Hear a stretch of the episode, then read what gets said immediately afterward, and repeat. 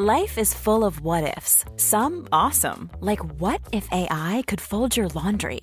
And some, well, less awesome, like what if you have unexpected medical costs? United Healthcare can help get you covered with Health Protector Guard fixed indemnity insurance plans. They supplement your primary plan to help you manage out of pocket costs. No deductibles, no enrollment periods, and especially no more what ifs. Visit uh1.com to find the Health Protector Guard plan for you. Quality sleep is essential. That's why the Sleep Number Smart Bed is designed for your ever evolving sleep needs. Need a bed that's firmer or softer on either side? Helps you sleep at a comfortable temperature? Sleep Number Smart Beds let you individualize your comfort so you sleep better together. JD Power ranks Sleep Number number 1 in customer satisfaction with mattresses purchased in-store. And now, save 50% on the Sleep Number limited edition Smart Bed for a limited time. For JD Power 2023 award information, visit jdpower.com/awards. Only at a Sleep Number store or sleepnumber.com. Even when we're on a budget, we still deserve nice things. Quince is a place to scoop up stunning high-end goods for 50 to 80% less than similar brands. They have buttery soft cashmere sweaters starting at $50, luxurious Italian leather bags, and so much more. Plus, Quince only works with factories that use safe, ethical, and responsible manufacturing.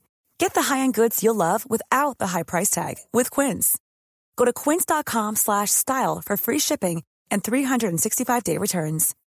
Millions of people have lost weight with personalized plans from Noom, like Evan, who can't stand salads and still lost 50 pounds. Salads, generally, for most people, are the easy button, right? For me, that wasn't an option. I never really was a salad guy. That's just not who I am. But Noom worked for me. Get your personalized plan today at Noom.com. Real Noom user compensated to provide their story. In four weeks, the typical Noom user can expect to lose one to two pounds per week. Individual results may vary. I'm amazed how many people own stocks. They, they would not be able to tell you why they own it. They couldn't say in a minute or less why they own it. Actually, if you really press them down, they'd say the reason I own this is the sucker's going up. There's enough cash in the financial system, and there's an infinite amount of cash at the Federal Reserve. An infinite amount Put of cash. Put that check in a money market mutual fund. Then we'll reinvest the earnings into foreign currency accounts with compounding interest, and it's gone. So they had to do something. All they had left was just to print money and start buying things. And that's what they did. Quick buck artists come and go with every bull market, but the steady players make it through the bear market. They say money can't buy happiness. Look at the fucking smile on my face. Hej och välkommen till ett nytt avsnitt av Market Makers. Fabian, lever du? Jag lever. Börsen upp, oljan upp. Vad, vad, vad mer behöver man för att leva? Ja, men precis. Det är nu det vänder. Jag satt och kollade på några säsongsmönster och eh, september brukar vara en då väldigt dålig månad för börsen. Oktober brukar vara väldigt stökig. Men det menar jag inte nödvändigtvis att det går ner, men det brukar vara en volatil månad. Det brukar hända mycket. Det var väldigt intressant. Då, för sista september dessutom, det är ju sista dagen i kvartalet då, så att säga. Och då brukar man snacka lite om window dressing, att folk vill dumpa ut till exempel det som har gått dåligt så inte det ska synas i, i böckerna när man redovisar vad man äger i sin fond till exempel och så vidare. Eh, det var väldigt dramatiskt tycker jag. Första oktober, då verkligen totalkraschade ju vid öppning på morgonen. Men sen har jag för mig att börsen stängde upp till och med. Så att väldigt, väldigt eh, volatilt.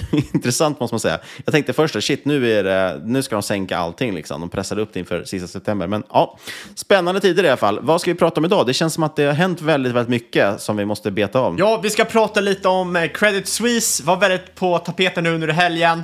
Eh, Kommer de konka eller inte? Vi ska prata lite om den här eh, pivoteringen som Englands centralbank gjorde. Och sen ska vi såklart prata lite gaming också, vilket jag tror många av våra lyssnare gläds av. Vi har fått in lite meddelanden den senaste tiden. Nu får det fan vara nog med makro och energi, jag vill höra om tech och gaming. Så er, er, liksom, er önskan är vår lag, så lyfter lite gaming idag. Ja, jag tänkte lyfta ett case som faktiskt var med i avsnitt 8 av podden. Det är ganska länge sedan ändå. Åtta? Ja. ja. Men jag tänkte lyfta ett svenskt gamingbolag och det är lite intressanta just med bland annat den här valutamedvinden. Men vi återkommer till det. Eh, först vill vi påminna om att det inte är någon rådgivande rekommendation som pågår i podden. Vi berättar om vår process och hur vi tänker. Du måste alltid göra din egen analys och glöm aldrig att alla investeringar är förknippade med någonting som rimmar på fisk. Jo, det är ju nämligen risk. Och innan vi drar igång så ska vi såklart presentera vår huvudsponsor Robomarkets som är den europeiska multiassetmäklaren med över 12 000 instrument. Där finns det CFDs på aktier, ETFer, index, krypto, råvaror, valutor och där kan man dessutom handla på just ett valutakonto så man undviker onödiga växlingsavgifter. Dessutom har Robomarkets lokal närvaro samt kundsupport på svenska. Det är bra. Och man är reglerad av tyska Finansinspektionen och har framförallt otroligt attraktiva villkor med låga courtage, tajta spreadar. Och tillsammans med Robomarket så brukar vi varje vecka lyfta något intressant investerings eller någon tradingidé som du kan utforska vidare på plattform. Och vad har vi valt den här veckan Fabian? Ja, vi ska prata lite om olja. Eh, jag måste få in olja någonstans i avsnittet idag. Och eh, vi kommer prata lite senare i avsnittet också om när saker börjar gå sönder i systemet, likt det vi såg i marknaden eh, när engelska centralbanken var tvungen att pivotera. Det är så att centralbanker nu, de försöker angripa inflationen, som ni säkert vet. Men den här inflationen kommer ju mångt och mycket av eh, energibristen vi har i samhället. Och det betyder ju att energipriserna är anledningen, är en av anledningarna till varför centralbanker agerar som de gör. Eh, och det, det är ju att skifta över till QT. Men det vi ser nu är att efter ett eh, årtionde med QE så är det många oförutsedda saker i marknaden eh, som kan hända. Det är inte så lätt att bara dra stoppen och skifta över till QT som man kanske skulle kunna tro. Eh, och det ger ju någon typ av backstop där till eh, att tackla inflationen. Eh, lägg där till att eh, OPEC, du vill drastiskt minska produktion. Vi snackar 1-2 eh, miljoner fat om dagen. Eh, Rysslands produktion börjar falla. Kina börjar öppna upp igen. De har ju varit eh, nedstängda för covid väldigt, väldigt länge och mångt och mycket har det ju handlat om att eh, nationalism egentligen. De vill utveckla ett eget vaccin eh, och vaccinera sina med medborgare. Men de börjar komma på fötterna igen. Du ser även att USAs eh, SBR, alltså de släpper ut eh, eh, reserver i marknaden, kommer mot sin ända. Och eh, framförallt så ser man ju nu att potentiell, potentiell energinationalism, Um, till exempel Tyskland kommer ut och säger att potentiellt måste överväga att inte exportera eh, energi till övriga marknader. Och det här blir såklart ett jäkla upplägg för oljan som har blivit ordentligt nedtryckt senaste månaderna. Vi har ju precis sett nu i veckan, måndag, tisdag, eh, vi spelar in på en eh, onsdag, en otrolig breakout i Brentoljan, eh, upp från eh, 87 dollar till 91. Och intressant här nu tycker jag är tickern BNOR, det är alltså en Brent eh, Oil ETF, för att exponera sig mot en och två månaders Brent-kontrakt. För det är ju så att eh, eh, korta kontrakt och långdaterade kontrakt, den spreaden var rätt stor förut och nu kommit eh, närmare varandra och då blir det rätt intressant här att kika på det. Och varför kan man liksom, varför ska man kika på Brent? Ni pratar mycket om VTI. Jo, Eh, man ser ju att många länder inför price caps. Eh, det är inte så otroligt nu heller, eller otroligt att se att de kommer införa exportbans också. VTI är ju amerikanskt, eh, Brent är globalt. Det är alltså mindre politisk risk, i alla fall hög sannolikhet att mindre politisk risk. Och då kan det vara ett väldigt intressant instrument för att fånga upp en potentiell blow, blow-off squeeze så att säga. Dessutom får man en, nu en 2% månatlig roll yield. Och det är i stort sett en yield man får när man rullar kontrakten. Eh, och det här, allting här ger ju en väldigt stor eh, potential för en uppsida när eh, oljan ser en, när oljan ser, om oljan ser en eh, liten squeeze uppåt. Men ta inte liksom mina ord som lag. Eh, oljan kan såklart både gå upp och ner. Eh, men vill du veta mer om Robomarkets, besök då robomarkets.se och följ deras Twitterkonto at robomarkets.se. Länkar finns såklart i avsnittsbeskrivningen.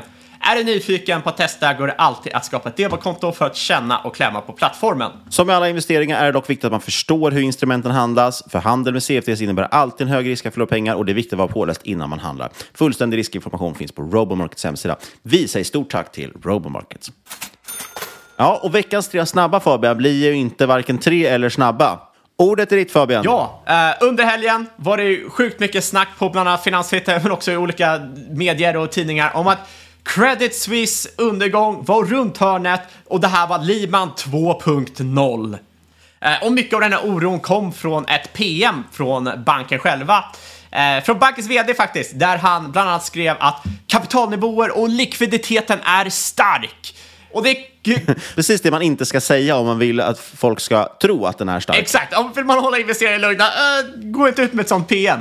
Men just nu så prisar CDS-erna in en 3% sannolikhet för konk, alltså credit default swap. I stort sett är det ju insurance eller försäkring på, att, eh, på konk. Och det här innebär ju också att det är en 20% sannolikhet för konkurs de kommande fem åren. Eh, men man ska också ta hänsyn till det här att vi ser li liknande för andra typer av banker, europeiska banker, eh, många industribolag runt om världen. Eh, så bara för att Credit Suisse har, har, har den eh, eh, ja, det, det, det, betyder inte nödvändigtvis att det är risk för konk. Aktiens nedgång är inte heller liksom ett starkt tecken på att de kommer konka eh, nödvändigtvis, för att det är in line med earnings expectations.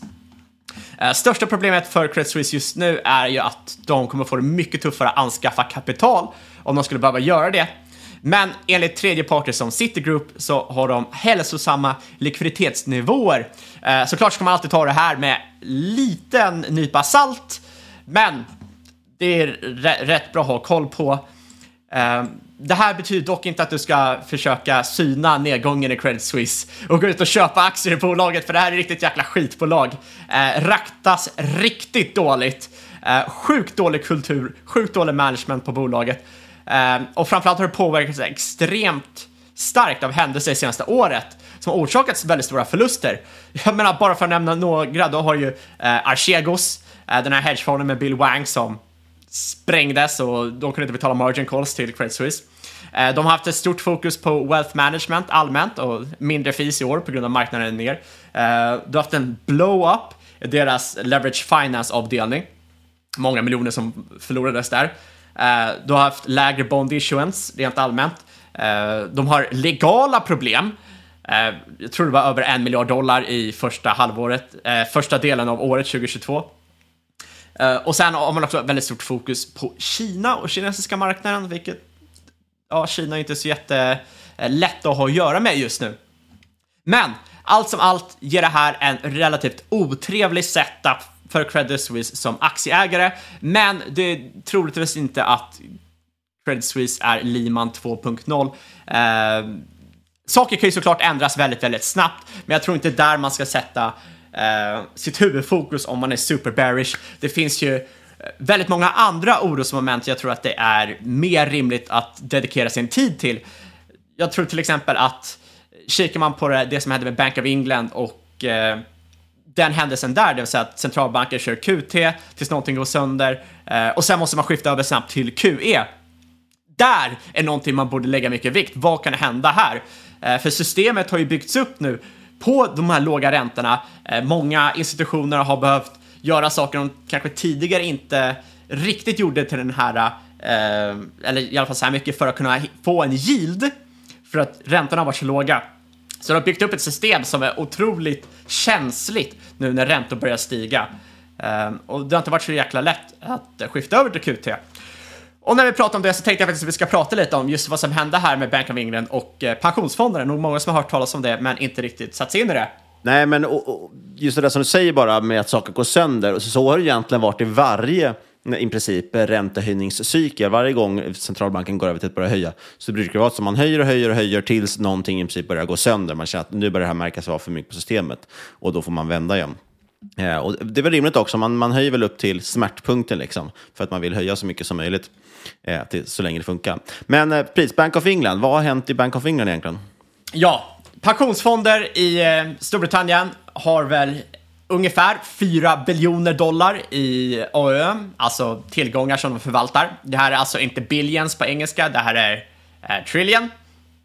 Eh, och hur pensionssystemet fungerar är ju att eh, du har en skyldighet att betala ut rätt mycket pengar rätt långt ut i framtiden. Det är ju 30-40 år för snittpersonen.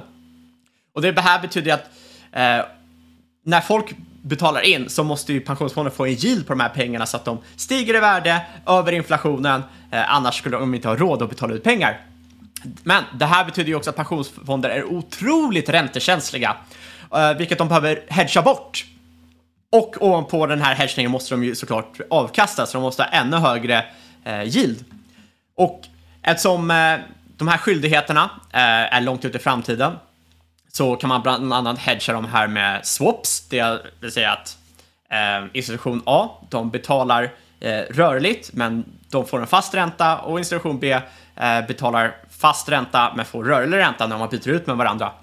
Alltså, eh, och det här kan du göra om du till exempel får in jag menar, du, du, du får in fasta betalningar men du måste betala ut rörliga betalningar. Eh, det gör ju att du har en liksom, risk där om räntor stiger mycket och ja, ni förstår. Men från pensionsfondernas sida är det här i alla fall ett bett på lägre räntor. Framförallt så är det ju mer rimligt för dem än att de ska gå ut och köpa långdaterade optioner, för då knyter de upp väldigt mycket kapital och det är inte jätte, jättebra om du behöver skaffa lite yield. Eh, framförallt finns det inte så många sådana här obligationer du vill sätta dina pengar i. Eh, istället kan kassan då användas för att investera i till exempel aktier eller krediter. Men då kom det den här situationen där 30-åriga swap rates exploderade på uppsidan. Aldrig hänt förut så här mycket.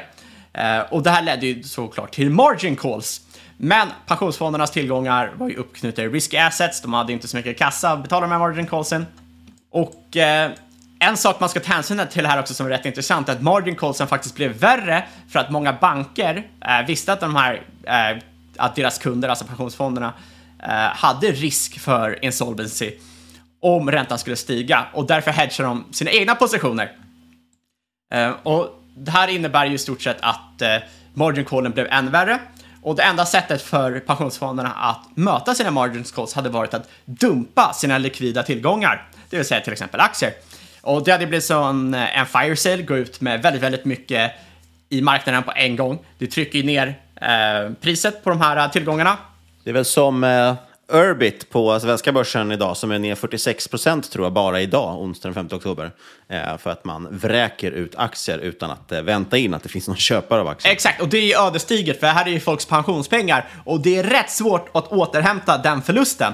Eh, pensions, eh, pensionsfonder har ju en väldigt de, de, de, de vill inte ha jätte, jättehög avkastning, de bryr sig mer på att den ska vara stadig och stabil över tid. Eh, så att väldigt svårt att återhämta sig, ödesdigert för eh, många, eh, som, eller många pensioner i landet. Och då eh, fick ju Bank of England rycka ut, de tvingades eh, sätta stopp för det här genom att köra på QE, eh, räntan får komma ner, sätter stopp på blödningen, sätter stopp på morgoncallsen. Det här kanske inte var så straightforward som vi hade tänkt det, eh, men förhoppningsvis förstår ni vad som hände där. Räntan upp, Pensionsfonder fick margin call, eh, Bank of England fick eh, ändra taktik och gå över till QE för att lindra det här problemet. Men... Jag måste bara korrigera en grej om Urbit. De var ner 45 procent när jag tittade innan inspelning, men nu när jag kollar igen så är de ner 65 procent. Det är en tvångsförsäljning av styrelseordförandens aktier som jag, jag tänkte du skulle säga att de var upp igen och då höll jag på att säga, ja ah, men fan, bra tradingtider. Nej. Nej, nu är det ner 66 procent. Uh, oj, oj, oj. Ja, det, där, det där är deppigt. Jag är glad att man inte är eh, heter det, aktieägare där. Men det absolut viktigaste jag tycker man ska ta ifrån sig här, det är att Eh, Storbritannien är inte de enda som sitter i den här sitsen. De flesta europeiska och nordiska pensionsfonder är utsatta på samma sätt på grund av den här räntemiljön vi har haft senaste årtiondet. Och eh, som jag har förstått det och som jag har läst, en, bara en 200 baspunkt rörelse i 30-åringar kan eh, skapa stora problem för många av de här bolagen. Eh, inte bolagen, för många av de här institutionerna. Och det här leder ju såklart tillbaka till det vi pratade om eh, i, i veckans trade. För när centralbanker inte kan köra QT fritt utan att saker börjar gå sönder, ja då har de ju ett problem när till exempel Fed försöker lösa vår energikris genom att försvaga konsumenten och därmed förstöra demand. Samtidigt som du har till exempel OPEC som kommer in som eh, jävla big swinging dicks och ska förstöra demand. De bryr sig inte alls om, om hur andra människor har det. De vill ju såklart bara tjäna pengar. Oavsett hur mycket Fed försöker förstöra demand. Sen har du så, så, så, du har ju en jättejobbig sits här för centralbankerna när de vill försöka ta itu eh, tur med inflationsproblemet. QT för att stoppa inflationen. Inflationen kommer inte stoppas. Men du måste ändå höja räntorna, saker går sönder, så måste switcha över till QE.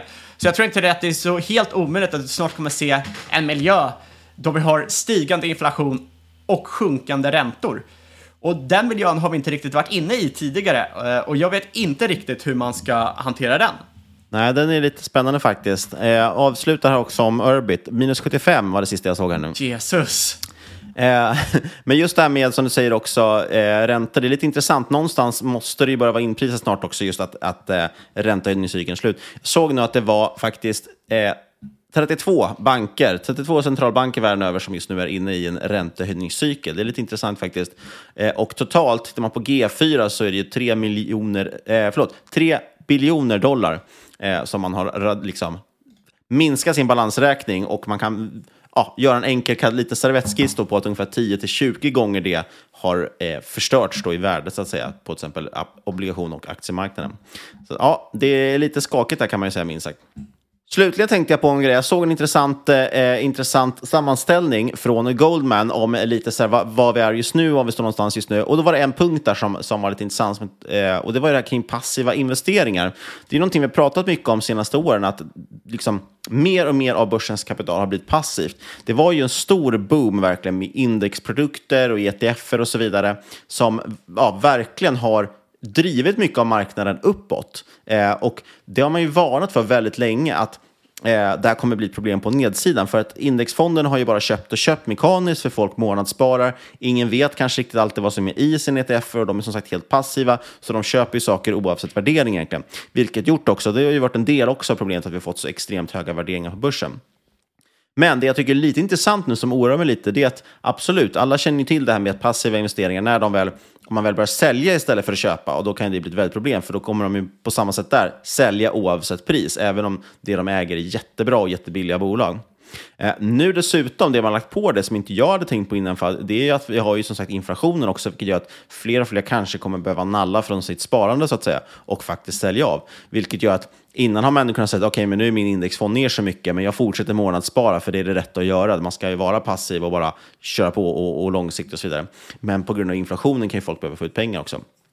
Så det är lite intressant. Det ska bli väldigt spännande att se hur alla de här ETF-erna och passiva produkterna eh, liksom kommer spela ut nu och kommer påverka den nedgången. sett. Exakt, och jag tänkte bara flika in där lite att eh, jag menar, är vi i en situation här, bortsett från det jag sa tidigare, men är vi i en situation eh, av där vi har en längre period med stigande räntor. Vi vet inte exakt hur börsen kommer reagera eftersom menar, vår miljö och samhälle som vi har nu är väldigt annorlunda från 70-talet. Vi gillar ju att kolla på 70-talet, men det är inte ett facit egentligen för att det är så mycket som har hänt sedan dess. Eh, saker är väldigt annorlunda. Ja, och att det är dessutom en, en datapunkt i hela världshistorien. All, allmänt, så att när man säger att eh, när man pratar om aktier så har vi väldigt få datapunkter för att liksom hela, hela hur samhället är uppbyggt kring börsen och eh, den typ av kapitalism vi har är väldigt kortdaterat. Det är några hundra år, 100-200 år vi pratar om med, med, med börser.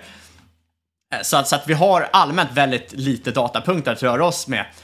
Eh, det vi vet nu i alla fall, det är ju att börsen har gynnats extremt mycket av eh, den låga räntepolicyn Ehm, som, har, som har varit senaste årtiondet. Framförallt så vet vi att det har gynnats sen amerikanska räntan pikade senast i mars 1980. Sen dess har den bara fallit och, det har varit guldålder för både aktier och obligationer. Och jag tänkte att man ska nämna där när det kommer till indexfonder och man säger att eh, index har varit en jättebra investering eh, över tid. Men, men första indexfonden lanserades på slutet av 70-talet, så det har ju glidit mer nästan hela den här trenden. Innan det, om man bara kollar på marknaden som helhet, det är ju inte riktigt samma sak som att kolla på indexfonder, för då har du ju bara stockpickers som sitter och handlar marknaden eh, och som inte handlar upp innehaven i marknaden per automatik som du har med en indexfond eller ETF. Men det, det innebär ju att liksom det som har fungerat de senaste 40 åren, där man har sett att index har varit en otroligt bra investering för gemene man, kanske inte fungerar kommande 40-åring. Uh, eh, människan är ju otroligt bra på att expo, uh, extrapolera det som har hänt.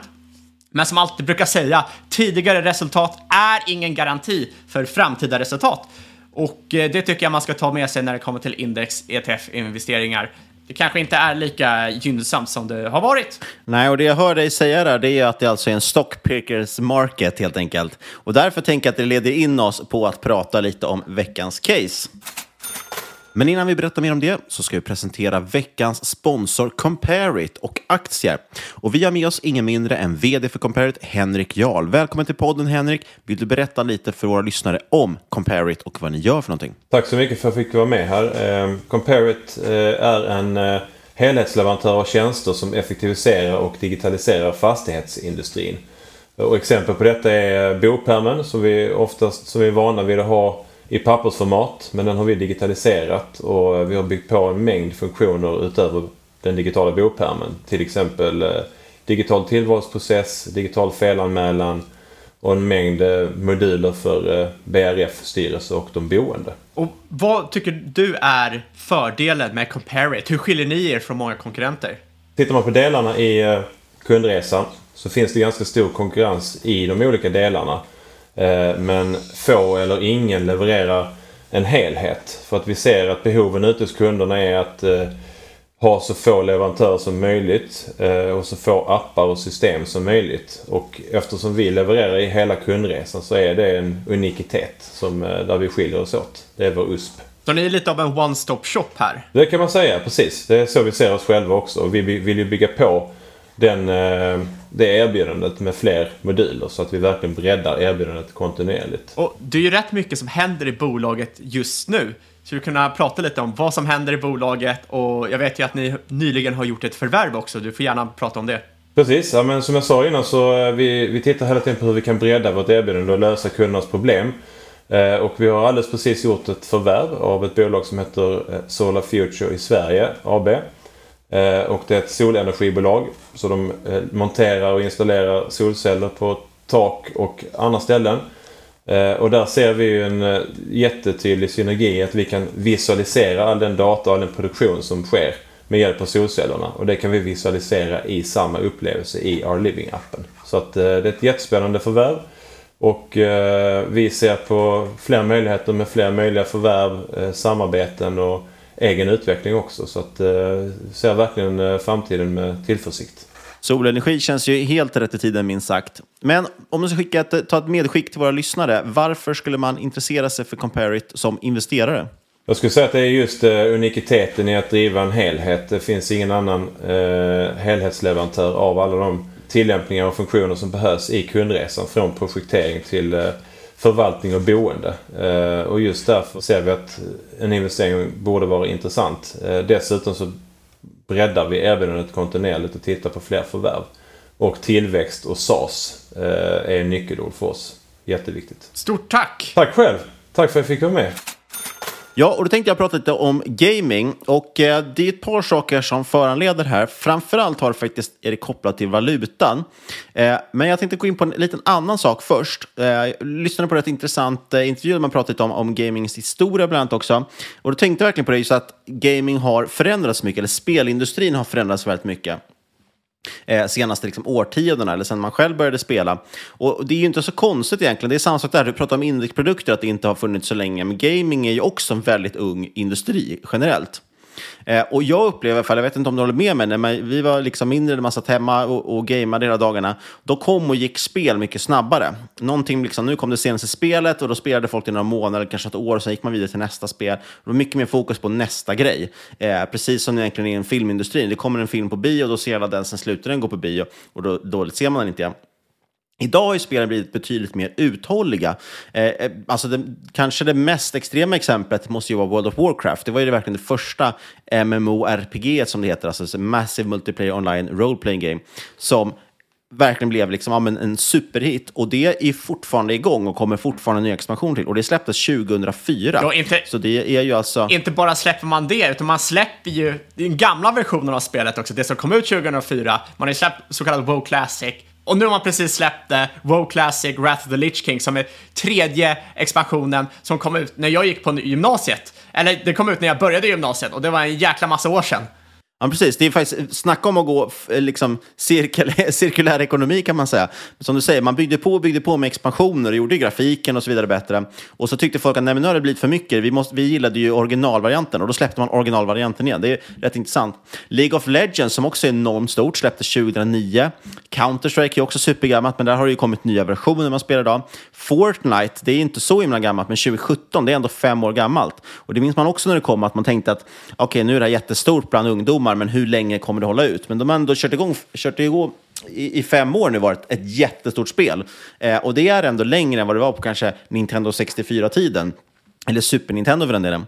Eh, och på sätt och vis är det inte så konstigt. Om man tittar på det rent tekniskt så är det ju så att grafiken på de spelen, eh, liksom, som kom till exempel till Nintendo 64, då, eh, de var inte uthålliga, det var fortfarande så pass ungt. Idag är grafiken så pass bra att ett spel ändå håller. Plus att man idag också, spelen idag låter ju sig uppdateras och patchas med både bugfixar och, och, och bättre grafik. Det, det, det tror jag nog är den största grejen. Det är alltid nytt content till de här spelen. Jag menar, WoW ser fortfarande ut som skit. Det såg, all, det såg ut som skit när det kom också.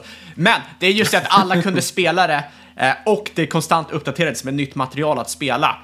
Eh, vilket många andra spel inte har. Ja, men precis. Och grafiken har ju, grafiken har ju också uppdaterats i WoW, så det har blivit lite snyggare till det. Men absolut, den ligger ju alltid efter det senaste häftigaste, så att säga. Sen var det då just jag hörde en parallell där som någon drog till analoga spel, alltså vi pratar poker eller schack. Eh, så att e-, egentligen är det det normala för ett spel, om vi tänker spel i bredare termer, är ju att det är väldigt långlivat, för folk lär sig inte massa nya spel hela tiden. Eh, och alltså för, med undantag då för några nya regeljusteringar så som har gjorts, så skulle du i princip tydligen kunna åka tillbaka ett halv millennium och spela schack med, med Leonardo da Vinci. Eh, eller stappla in på en salon i vilda västern och spela poker med några cowboys. Spelen är i princip detsamma idag. Och någonstans inom gaming är det lite samma sak också. Eh, det är ganska naturligt att spelen långlivade, speciellt nu när man kan dessutom uppdatera dem och göra nya grejer. Och grundidéerna, eh, alltså till exempel att du har en first person shooter eller ett strategispel och så vidare, ligger ju fortfarande kvar. Det är ungefär samma spel som kommer om och igen i ny skepnad bara. Absolut, 100 procent. Sen tror jag kanske inte att vi kommer spela Fortnite i 500 år till, men det är ändå stor skillnad tycker jag att spelen är ändå mycket mer uthålliga än vad de var för bara 20 år sedan. Eh, och dessutom så kan man monetarisera dem längre. Och har man det här då i bakhuvudet, den här idén om att spela lite mer långlivade, då är det också inte heller så konstigt att tänka sig att eh, spel mer och mer fungerar som SaaS-bolag eh, och att man kan börja prata om ett lifetime value och customer acquisition cost. Vi pratar ju om det här när det gäller till exempel mobilspel väldigt mycket, men, eh, och, och även när det gäller SaaS-bolag, alltså Lifetime value, vad är värdet på en kund? När du säljer i det här fallet ett spel till en kund, hur mycket kommer den kunden generera över tid i snitt? Och customer acquisition cost, alltså vad kostar det att få in den kunden? Och så bara ställer man dem mot varandra. Det vill säga, okej, okay, det kostar en dollar att få in den här kunden och så spenderar kunden två dollar på, under sin livstid. Då är det ju en plusaffär, då vill man ju fortsätta liksom bränna pengar på att få in kunder. För att, tittar vi på spel så var ju det tidigare var ju det mycket mer en klassisk industri. Alltså, du, du hade, tog fram först ett koncept, du tog fram ditt spel, sen skulle du pressa det på en skiva, du skulle få ut den här plastskivan till liksom, butiker och du började göra marknadsföring och så skulle folk gå och köpa din produkt. Mycket mer, liksom, precis som att sälja en stol eller vad som helst, så är det mer en industriell produkt.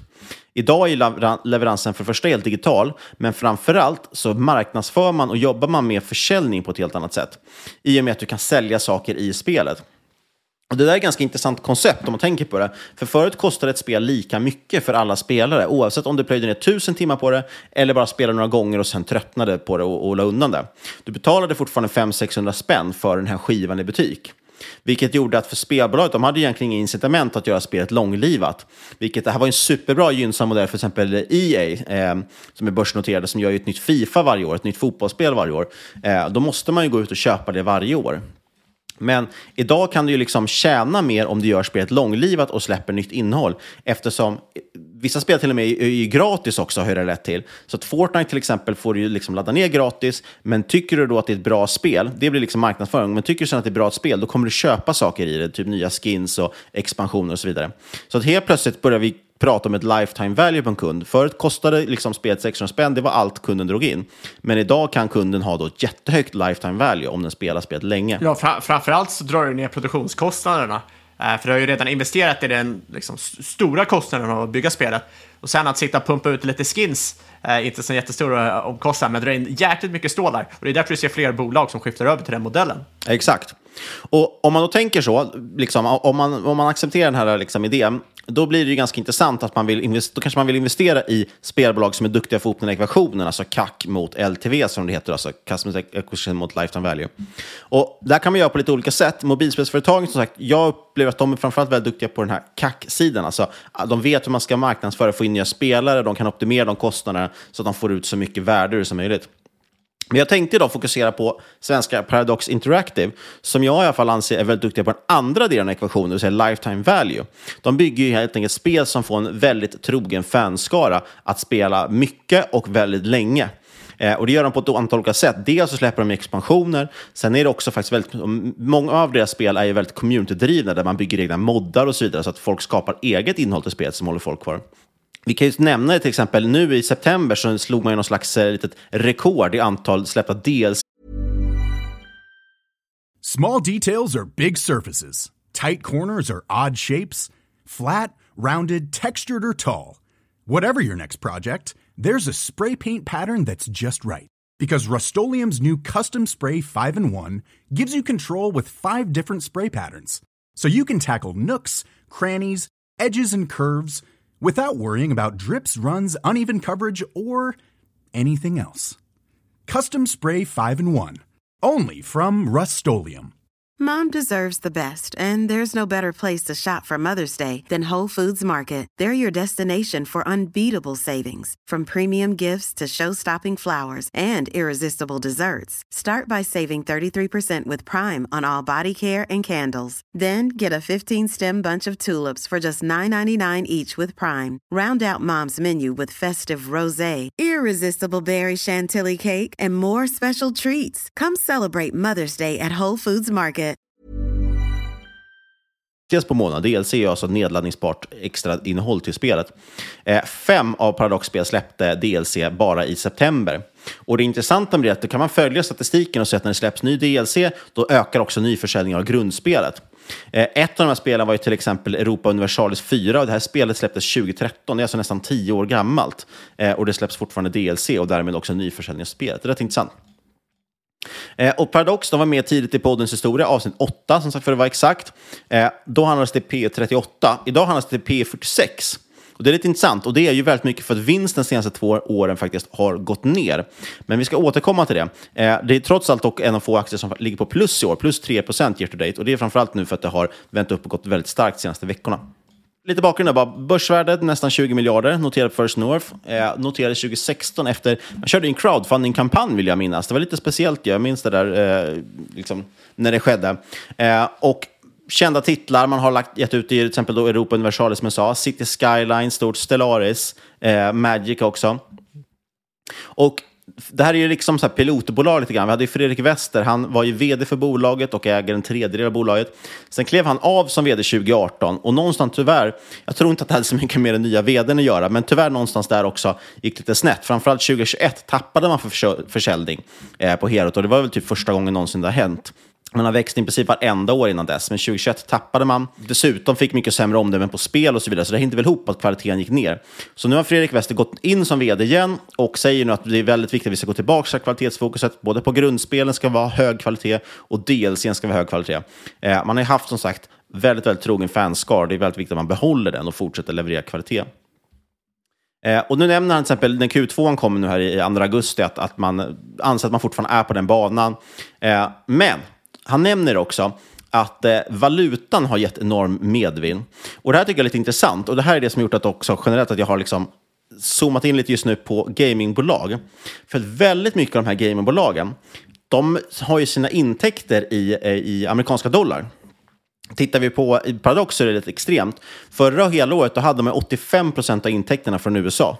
Men majoriteten av folk sitter ju i Sverige och man redovisar i SEK.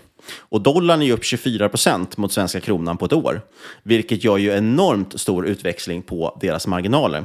Där kan man också se lite typ som i G5 som har haft mycket eh, utgifter i Östeuropa där valutorna är jättebilliga och sen sitter man och säljer i USA. Eh, ger också väldigt, väldigt stor liksom, hävstång på resultatet. Eh, tittar man på posten övriga rörelseintäkter, där bland då valutakursvinster ingår, den 17-dubblades i Q2 jämfört med Q2 2021. Nu är det lite annat som räknas in där också, typ vinst vid försäljning i materiella tillgångar och så vidare, men det säger någonting om att den verkar ge ganska stor påverkan. Och vi kan bara titta på Q2 nu 2022, där man ser att omsättningen ökar. Jämfört med samma kvartal i fjol så ökar omsättningen 14 procent, men rörelseresultatet och vinsten ökar över 90 procent. Så det händer ju någonting här i marginalerna. Och det har inte bara med dollarn att göra, ska tilläggas, utan det handlar också om att man har lyckats hålla lite, eh, man förändrar lite sin publishing-del, man lyckas få ner eh, kostnader och så vidare. Så att, ganska intressant. Tittar man på hela halvåret, då, första halvåret, så har man dubblat vinsten mot, mot förra halvåret.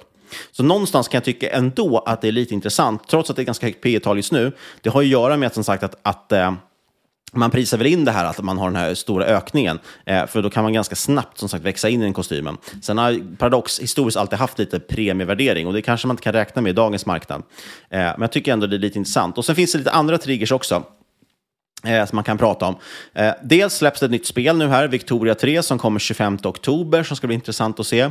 Sen, en sista liten grej här. Eh, bolaget ägs till 10% av Tencent. Eh, som jag vill minnas så köpte Tencent 5 runt noteringen. Eh, under tiden här, under åren sedan 2016, så har man ökat den andelen till 10% av bolaget. Största ägare är som sagt eh, vd Fredrik West, han äger en tredjedel av bolaget. Sen har vi Spiltan som äger ungefär femtedel. Men de har ju löpande sålt av hela tiden eftersom Paradox blivit för stor del av deras substansvärde. Jag minns inte, Fabian, kommer du ihåg? Det var väl typ 80 eller var det till och med 90 procent av Spiltans substansvärde som var bara Paradox? Jag kommer inte ihåg exakt, men det var en väldigt, väldigt stor del av Spiltan, så det ägde i stort sett Paradox via Spiltan. Ja, och, och det här fick de ju jättemycket kritik för. Jag vet att Per och vi pratade om den, han var med på vår podd till exempel. Eh, och generellt, de har fått mycket kritik. De har ju försökt skala ner till det, men sen gick ju Paradox hela väldigt bra. De investerade väldigt tidigt, så det har ju bara växt och växt och växt enormt mycket. Eh, jag tror fortfarande att det står för typ 60-70 procent, för det, det, är svårt att, de kan inte bara dumpa aktierna heller. Men det är intressant att Tencent, de är tredje största ägare efter Spiltan, äger 10 procent i dagsläget, då kommer vi kanske gå om Spiltan så småningom, vi får väl se. Eh, för deras strategi historiskt har varit att plocka minoritetsposter i gamingbolag världen över. Ofta köper de då just 5 procent av bolaget för att liksom få komma in lite. Och sen har de ju också mycket hjälp till med lanseringar i Kina. Jag tror det var det vi pratade om när vi tog upp dem i avsnitt 8, eh, hur Tencent då kunde vara en, en, en öppning in till Kina som är en enorm marknad. Men nu i dagarna bara, jag tror att det var igår till och med bara, så gick man ut med att det kommer en ny förvärvsstrategi på Tencent där man istället vill gå från att vara passiv minoritetsägare till att bli majoritetsägare av europeiska gamingbolag. Eh, ett exempel på det är att man tagit in precis 49,9 procent av bolaget Gmot. Eh, franska, jag uttalar säkert det jättedåligt. Ja, fantastiskt uttal. GUI. Fantastiskt. jag tror att vi har pratat om förut när vi pratade om Endor och Fnatic. Eh, för att eh, Gmot äger ju också, det är Gmot-familjen från början, de äger ju också Thrustmaster, alltså de som gör gamingrattar. som säkerligen har gått som tåget nu i och med dels Forza Horizon som har blivit jättestort via Game Pass, eh, men också nu när Gran Turismo 7 kom till Playstation 5 och sådär. Men Gmot, förutom då Thrustmaster-rattarna, eh, eh så äger de också en andel i Ubisoft, som jag tror till och med att den familjen startade en gång i tiden, om jag inte kanske är ute på hal is här. Eh, och Gmot-familjen gick för övrigt ut i maj i år, alltså innan Tencent ökade sin andel där jättemycket, och sa att man övervägde utköp av Ubisoft från franska börsen med hjälp av en riskkapitalfirma. Och då kanske de syftar på Tencent. Tidigare tror jag att de ägde runt 15 procent av Ubisoft, men nu efter Tencent har stoppat in massa cash så äger man upp mot en tredjedel av Ubisoft och ökar det här ägandet. Så att väldigt, väldigt intressant faktiskt. Dels att titta på Gmot och se hur Tencent agerar där nu, där de blir mer aktiva och hjälper till att liksom göra en, en takeover på, på Ubisoft i princip. Eh, men också intressant att följa eh, turerna här nu i Ubisoft. Och Det ska ju då tilläggas, eh, just när vi tittar på Paradox och Tencent, att det är inte bara dollarn som har ökat. Dollarn som sagt gör jättestor fördel för att eh, man tjänar mer pengar bara på, på valutan helt enkelt. Den är upp 24 procent eh, som jag sa mot SEK. Men även kinesiska yuan är upp närmare 13 procent mot SEK senaste året. Så att kineserna har ju också fått ganska mycket rabatt kan man säga på svenska bolag. Så man kan ju förstå att det, det lockar lite att kanske plocka in mer av till exempel Paradox. Så det är ett antal intressanta faktorer tycker jag som, som eh, ser rätt intressanta ut kortsiktigt i det här caset. Sen har Paradox alltid liksom dragits med det här att de har varit ett kvalitetsbolag.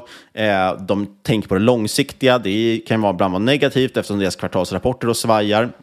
Eh, men det är ett intressant och fint kvalitetsbolag, men sagt, ganska hög prislapp. Eh, men det finns en en hel del, tycker jag i alla fall, just ganska intressanta triggers på, på kort tid just nu. Eh, och det ska bli väldigt spännande. Nästa rapport släpps ju ganska snart, första november, så det är bara en månad dit. Så får vi se hur Q3 ser ut. Ja, och eh, framförallt intressant här som vi pratade om i tidigare avsnitt. Det är ju intressant när marknaden inte verkar straffa dem för att de har en hög prislapp heller.